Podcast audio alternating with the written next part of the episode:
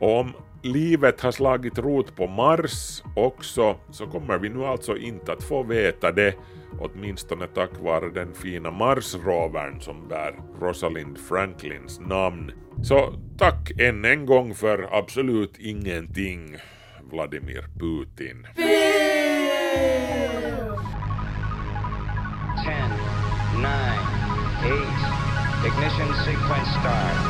Five, four, three, two, one, zero. Quantum leap.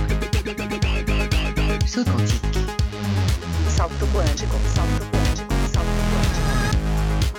Salto. Salto.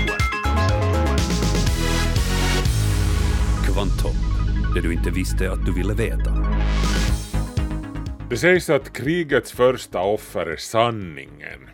Jag skulle kanske ändå säga att det, det är vanliga civila, i det här fallet ukrainare, som är det första offret, som lider och dör, som ser sitt hemland smulas sönder av ryskt artilleri, missiler och stövlar. Men eftersom det här är kvanthopp så skulle jag i det här avsnittet vilja lyfta fram ett av krigets offer som bor inom sektorn som jag bevakar personligen. Rymdforskningen och rymdfarten.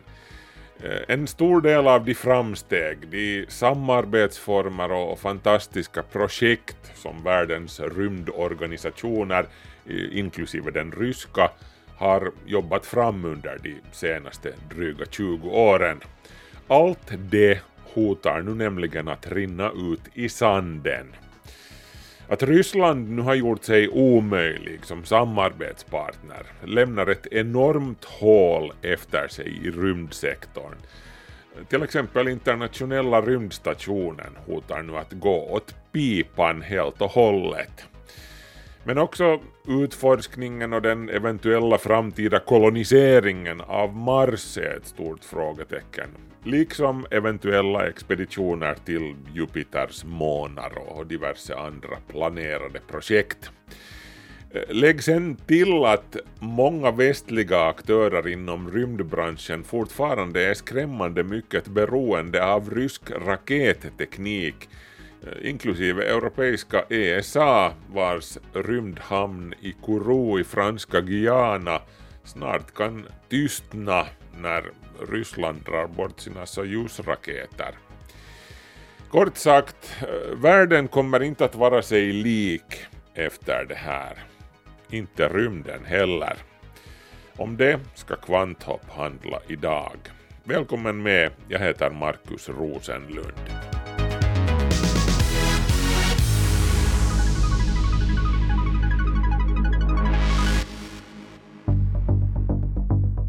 Allt sedan Sovjetunionen föll sönder i början av 90-talet har Ryssland kämpat med att hitta sin nya identitet och sin plats i världen. Och den slutsats som de har kommit fram till är ju inte direkt en som någon utanför landets gränser är bekväm med, om vi säger så.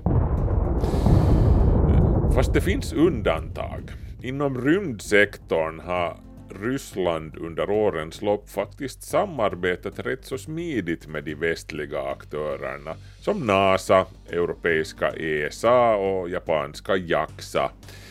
Eh, uppe på internationella rymdstationen har västliga och ryska besättningar samsats rätt så smärtfritt och hjälpt till med att uppehålla och utvidga vår största, ja no, de facto vår enda permanenta utpost i skyn.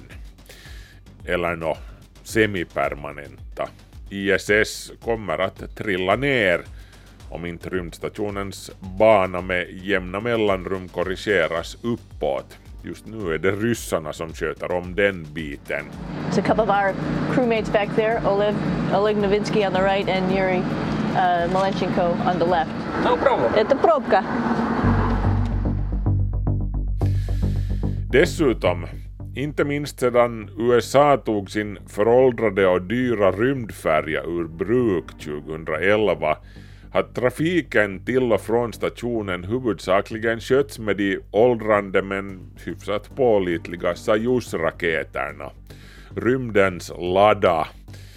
Ryska raketmotorer har agerat draghäst också i många andra sammanhang inom rymdsektorn, för satellituppskjutningar och, och motsvarande.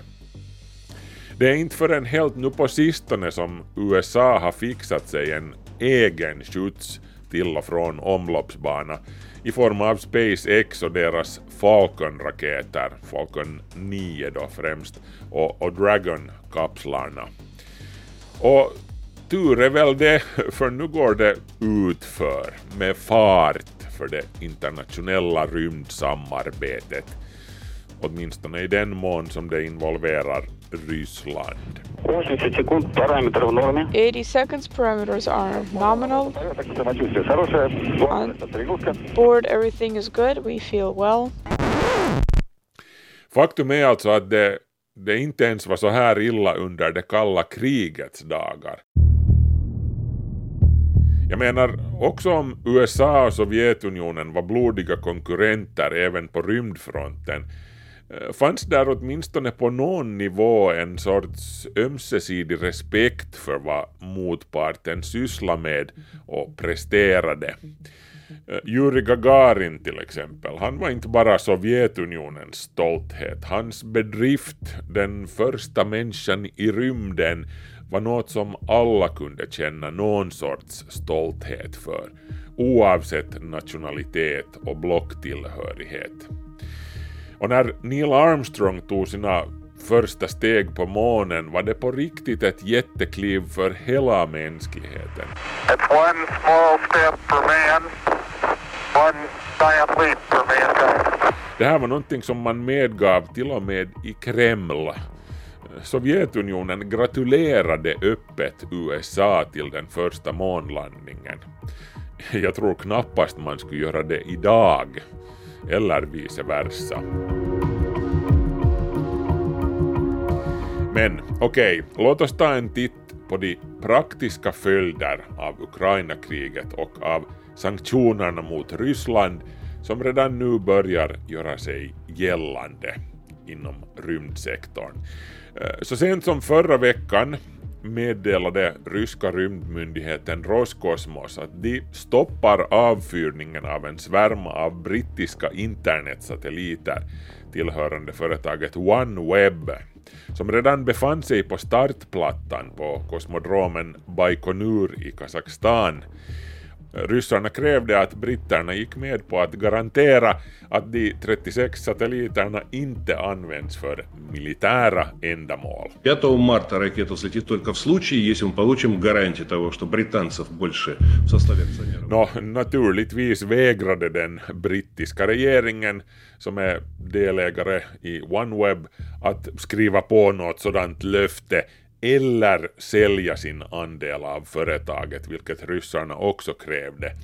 Så Ryssland drog bort raketen från startplattan och nu kan britterna sannolikt se sig i månen efter sina satelliter. Ryssarna har redan kablat ut videosnuttar där de ses skala bort de internationella flaggorna från nyttolasten. Spasiba så mycket bara, ja. Den rysktillverkade Soyuz-raketen i fråga som skulle skjuta upp de här satelliterna, den ägs för övrigt inte av ryssarna, den ägs av franska Ariane Space som prompt meddelade att de drar sig ur samarbetet med det ryska dotterbolaget Starsem och avbryter alla Soyuz-uppskjutningar. Så att så var det med den saken.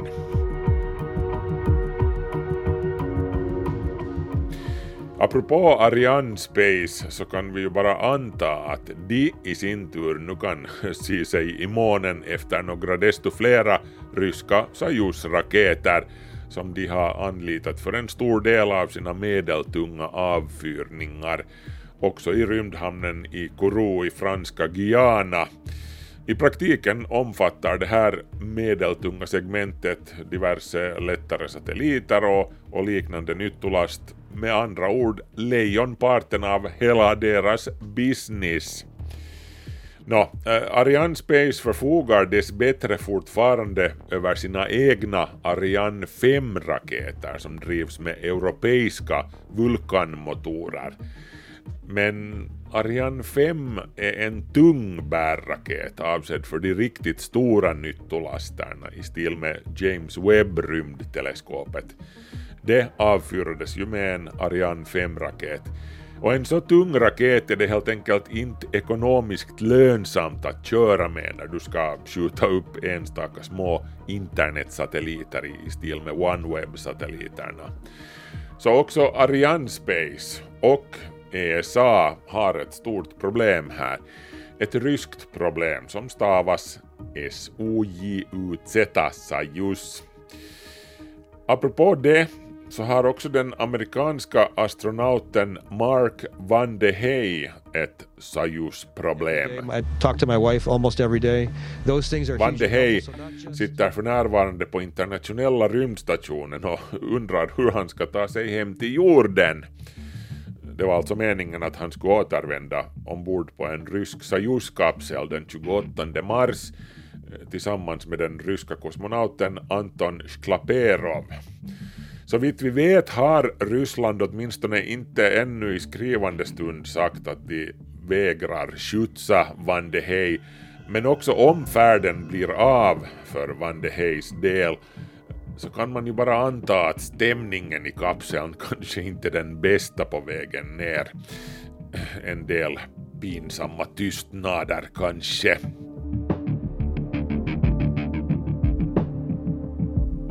Nå, lyckligtvis så landar Soyuz-kapseln inte i Ryssland eh, utan i Kazakstan som åtminstone inte formellt är en part i konflikten. Hur som helst så blir det här i så fall sannolikt den sista gången som en amerikansk astronaut flyger ombord på en rysk Soyuz-farkost någonsin. In all probability, he'll be one of the last NASA astronauts to rely on the Soyuz flight. Så det är ju lite historiskt på det viset. Synd bara att ett så långvarigt och ömsesidigt fruktbart samarbete, ett fredligt samarbete, skulle få ett så snöpligt slut. Nå, Ryssland kan ju å andra sidan bara skylla sig själva för det. De förlorar nämligen själva en hel del på kuppen här. Amerikanerna har betalat uppemot 60 miljoner dollar per säte ombord på Soyuz-kapslarna. Så också den businessen blev ryssarna nu av med för gott. Nå men, eh, det kunde vara värre faktiskt sett ur ett västligt perspektiv. Lyckligtvis är USA och västvärlden inte helt utan sina egna transportmedel numera. Sedan 2020 har amerikanska SpaceX med Elon Musk vid spakarna eh, flugit av och an till rymdstationen med sina Falcon 9-raketer och, Dragon-kapslar. Det är inte alltså Elon Musk som har suttit vid spakarna, det är hans anställda. No, ni förstår. Dragon, SpaceX, go for launch. SpaceX Dragon, we're go for launch. Let's light this candle. Uh, och, och, Dragon är ju de facto en mycket modernare och effektivare farkost för att inte tala om rymligare och bekvämare än de trånga gamla Soyuz-kapslarna. Plus att SpaceX farkoster har visat sig vara pålitliga också och relativt billiga i drift dessutom i och med att eh, Falcon-raketernas första steg är återanvändbara, vilket ju lovar gott för framtiden. NASA har redan meddelat sedan Ukraina-kriget började att de köper tre ytterligare bemannade flygningar från SpaceX utöver dem som det redan finns kontrakt för. Men vi kan inte bortse från det faktum att SpaceX inte kan vara överallt samtidigt och fylla alla hål som ryssarna lämnar efter sig nu. USA och NASA har nu i praktiken alla sina ägg i samma korg, i SpaceX-korgen mer eller mindre, vilket inte är optimalt. Till saken hör alltså att det var meningen att NASA vid det här laget skulle ha två separata privata leverantörer av bemannade rymdtransporter att välja mellan. SpaceX och Boeing. Men dessvärre har Boeings insats varit ett totalt fiasko. Boeings kommande Starliner-kapsel har plågats av ständiga tekniska motgångar och förseningar. Eh, Starliner har hittills inte ens kommit så långt som till en obemannad provskjutning för att inte tala om att den skulle ha godkänts för bemannad trafik. Så NASA finner sig nu i en sårbar situation där deras kapacitet är minst sagt begränsad. It was a critical test Boeing hoped would end 2019 on a high note. Instead, a setback for its Starliner spacecraft. Och nu talar jag för övrigt bara om den bemannade trafiken till rymdstationen. Sen behöver ju rymdstationen också regelbundna leveranser av diverse förnödenheter och tekniska prylar. För det ändamålet har man utnyttjat en specialkonstruerad farkost vid namn Cygnus, en sorts rymdpaketbil för internationella rymdstationens bruk. Sedan 2013 har 17 stycken transportflygningar med Cygnus-kapslar ägt rum. Men också här finns ett stort ryskt problem.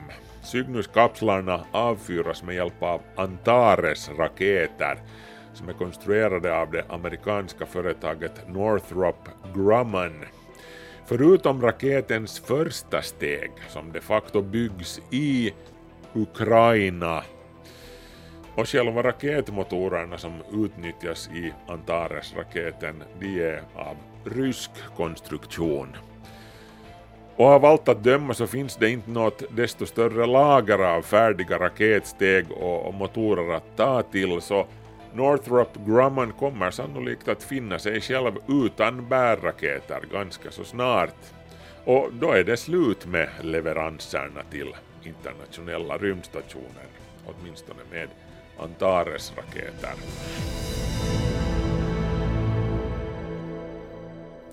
Ytterligare en amerikansk raketfirma, United Launch Alliance eller ULA, finner sig själv i en liknande knipa just nu.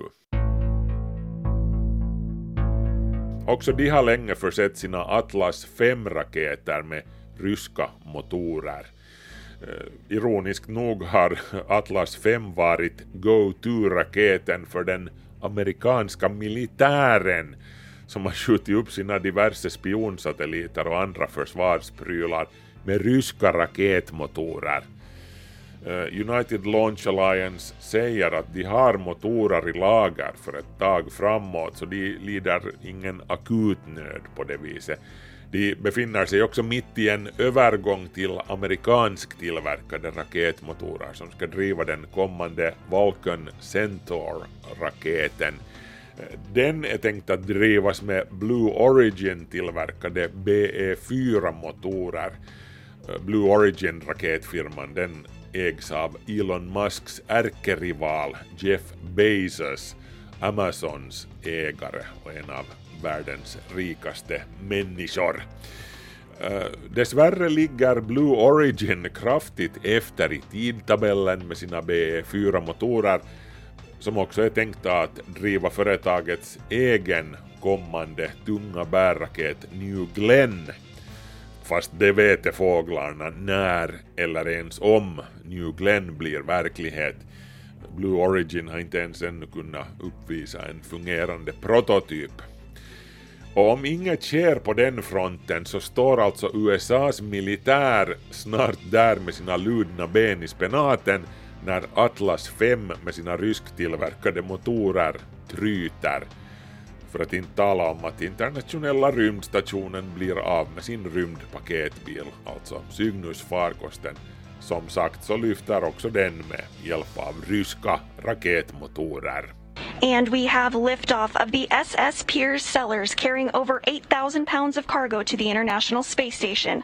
Good performance. Fast den här frågan med internationella rymdstationen, den kan komma att lösas på ett lite snöpligt sätt för om det går riktigt illa så har vi kanske inte snart någon internationell rymdstation längre överhuvudtaget. En stor del av stationen drivs ju av ryska Roskosmos och, och ryssarna bidrar med en stor del av de tekniska funktionerna på ISS. Arbetsfördelningen på ISS som den fungerar just nu ser alltså ut som så att den amerikanska delen av stationen står för energin och de livsuppehållande funktionerna ombord. Den ryska delen sköter i sin tur om navigeringen och de tidvisa kurskorrigeringarna och raketknuffarna uppåt som måste göras för att stationen ska hållas i sin omloppsbana och inte dras ner av friktionen från atmosfärens översta luftlager. Och på sistone så har chefen för den ryska rymdmyndigheten Roskosmos, Dmitri Rogozin, fyrat av en mängd lite maniska tweets där han gör det mycket klart att Ryssland minsann har makten att bestämma huruvida internationella rymdstationen hålls i sin bana eller om hela bygget rasar ner och i värsta fall träffar någon eller några i huvudet. Ja, hoho vet ni. Nå, också om ryssarna skulle sluta upp med att utföra de här nödvändiga bankorrigeringarna så skulle ISS inte trilla ner direkt det skulle ta uppemot fem år innan banan blir så instabil att stationen återinträder i jordens atmosfär och förstörs. Men det skulle garanterat hända i slutänden, oundvikligen. SpaceX-bossen Elon Musk har redan hunnit sträcka upp handen och, meddela att han nog vid behov kan ta ansvaret för att se till att stationen inte trillar ner och strikt taget så skulle nog Dragon-kapslarna kunna fixa det med sina inbyggda raketmotorer. Men problemet är bara det att NASA inte ser det här som någon större prioritet just nu.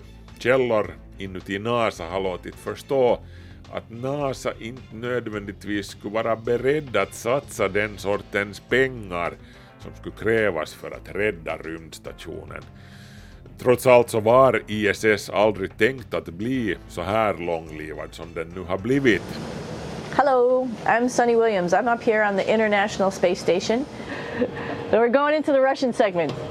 Be ready. You don't need a passport either. Vi kan ju sammanfatta rymdstationen här lite. Alltså den internationella rymdstationen är ett multinationellt samarbetsprojekt som involverar fem olika rymdorganisationer. NASA från USA, Roskosmos från Ryssland, JAXA från Japan, ESA från Europa och CSA från Kanada. Eh, rymdstationen har till dags dato varit kontinuerligt bemannad i mer än 21 år, vilket är ett otroligt rekord i sig. ISS har varit ett ypperligt fredsprojekt där forskare från otaliga länder direkt eller indirekt har kunnat idka vetenskap som gagnar hela mänskligheten. Om det samarbetet nu får ett våldsamt slut på grund av Rysslands vansinniga invasionskrig i Ukraina så är det en enorm förlust för oss alla. Eh, internationella rymdstationens livslängd har alltså flera gånger förlängts och just nu är tanken att fortsätta driva den fram till 2030 så länge som man tänker sig att det ska ta för privata aktörer att få ersättande faciliteter upp i omloppsbana. Men eh, det ser ju inte så bra ut just nu. Så trötta som NASA och Roskosmos är på varandras nunor kan lappen på luckan komma betydligt tidigare än 2030 för internationella rymdstationen.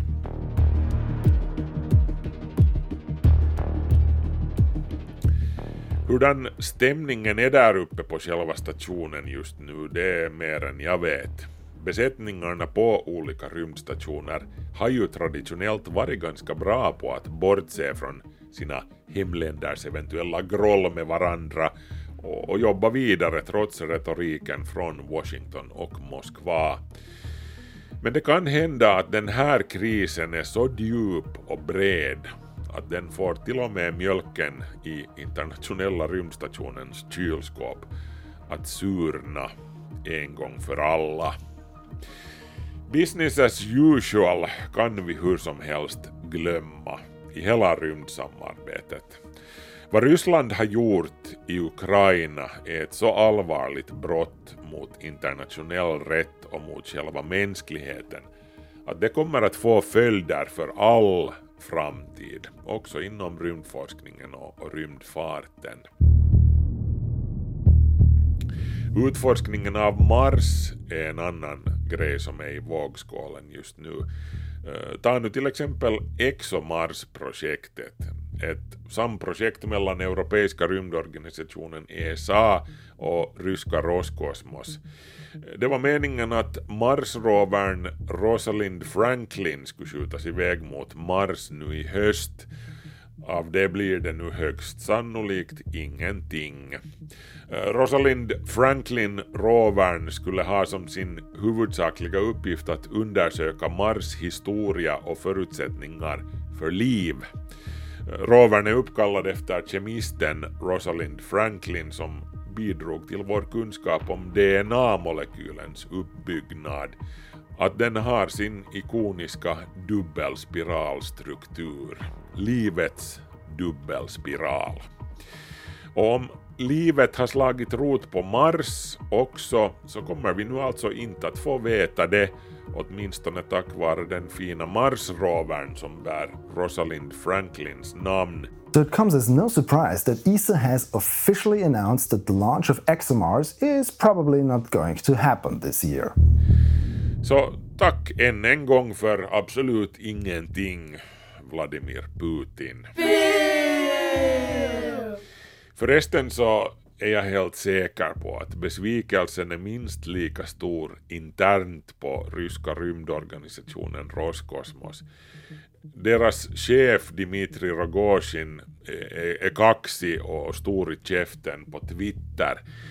Men inom Roskosmos, bland vanliga forskare och ingenjörer där, finns det antagligen en insikt om att allt de har jobbat för och eventuellt skulle få jobba för i framtiden nu rinner ut i sanden. Visst, det kommer säkert att finnas behov för spionsatelliter och militär hårdvara för rymden också i framtiden i Ryssland som Roskosmos kan sysselsätta sig med. Men också där blir det knapert. Att flyga med raketer och utveckla nya sådana är dyrt.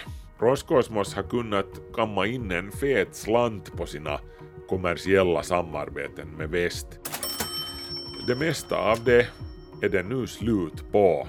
Både kineserna och indierna har dessutom sina egna raketprogram så de kommer inte att fylla alla hål som västliga samarbetspartners lämnar efter sig.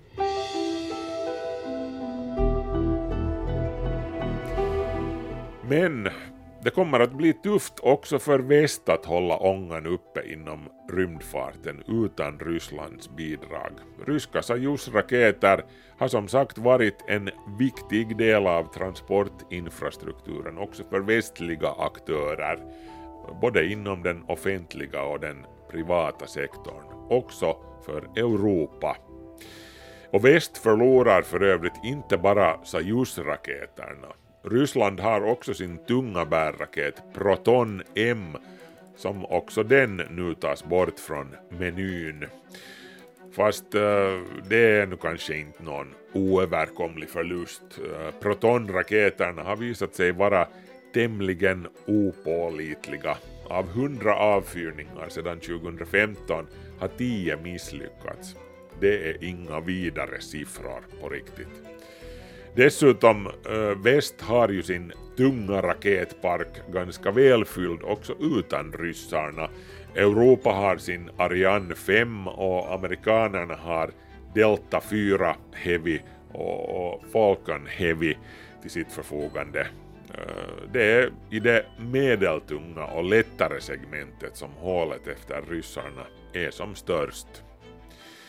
En som kanske kunde bidra till att lappa det hålet är amerikanska privata raketföretaget Rocket Lab.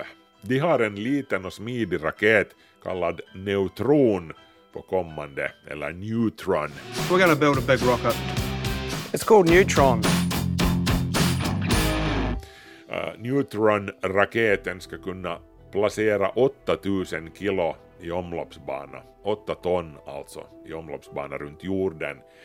Den kommer också att kunna skicka 2 ton mot månen och 1500 kilo mot Mars. Neutronraketens Neutron-raketens första steg kommer att vara återanvändbart och kommer att landa på en prom ute på Atlanten. Eh, premiärflygningen är planerad till 2024. Let me show you a new breed of rocket where reliability, reusability and cost is hard baked into the design from day one. Så det här är ett kort att hålla blicken på. Men när det kommer till rymdfarten så tycks nog ändå hela den fria världens blickar just nu vändas mot en man. Elon Musk. We need things that make you want to get out of bed in the morning and be excited about the future. And I think being a spacefaring civilization is one of those things that everyone get, can get excited about. Han tycks just nu vara den enda som garanterat har en fungerande raket, en hel raketpark faktiskt, att erbjuda åt de som behöver skjuts till rymden. Men också om det har byggts upp något av en messiaskult kring Musk så ska man kanske inte vänta sig för mycket ens av honom. Eh, trots allt så i dagens läge är raketavfyrningar komplicerade procedurer som, som planeras åratal i förväg. SpaceX kan inte plötsligt vara överallt samtidigt och erbjuda sina nuvarande Falcon-raketer till alla som behöver en medeltung transport till rymden. Eh, Falcon 9 må vara en trotjänare och arbetshäst den är ju den mest använda rakettypen någonsin vid det här laget. Men också Falcon 9 har sina begränsningar. 4, 3, 2, 1, 0. Ignition. Liftoff of L-87. Go Falcon, go, go! Uh, däremot, en grej som ju skulle vända totalt på hela pannkakan är om SpaceX på riktigt skulle få sin supertunga Starship-raket att fungera som planerat. Jag menar, får man tro Elon Musks reklamsnack rörande Starship så har den ju en helt otrolig kapacitet som slår alla nuvarande raketsystem ur brädet. Världens största raket någonsin och mest kraftfull också. And thanks to Starship's massive 9 meter diameter forward payload section, it would be capable of delivering payloads even larger than the James Webb Space Telescope into Earth's orbit. Uh, 100 ton ska den kunna lyfta till låg omloppsbana. Elon Musk har som avsikt att Starship inom den nära framtiden ska vara klar att avfyras inte bara en gång eller en gång per månad eller någonting sådant.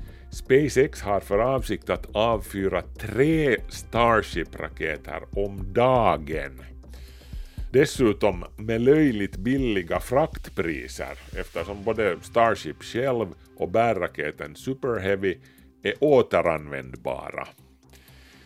Om Musk verkligen kan backa upp sina löften med konkret handling så kan ju Starship i princip ensam tillgodose hela den fria världens raketbehov inom den nära framtiden dessutom.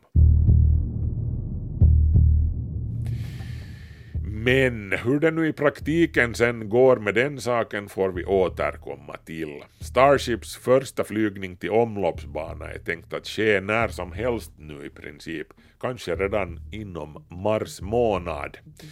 Den kunde ha ägt rum redan tidigare faktiskt, men onda tungor säger att USAs flygmyndighet FAA avsiktligt har satt käppar i hjulet för SpaceX eftersom Starship, om den lyckas som planerat, i praktiken gör hela NASAs egen raketpark inte bara stenålders, men i princip ganska onödig.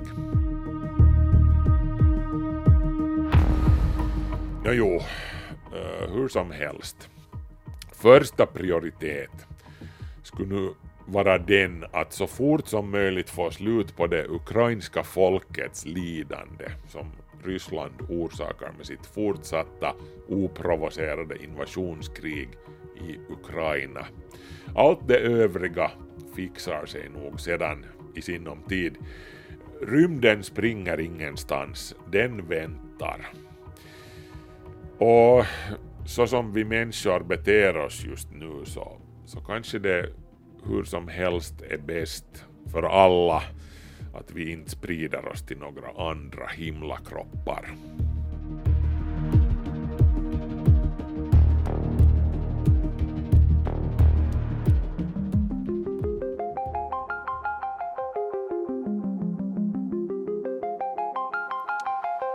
Kvanthopp har kommit till ändhållplatsen för den här veckan, men ett nytt avsnitt blir det ju igen nästa lördag på Yle Arenan. Och vill du skriva till oss så går det bra via adressen kvanthopp.yle.fi eller sen via vår Facebook-sida.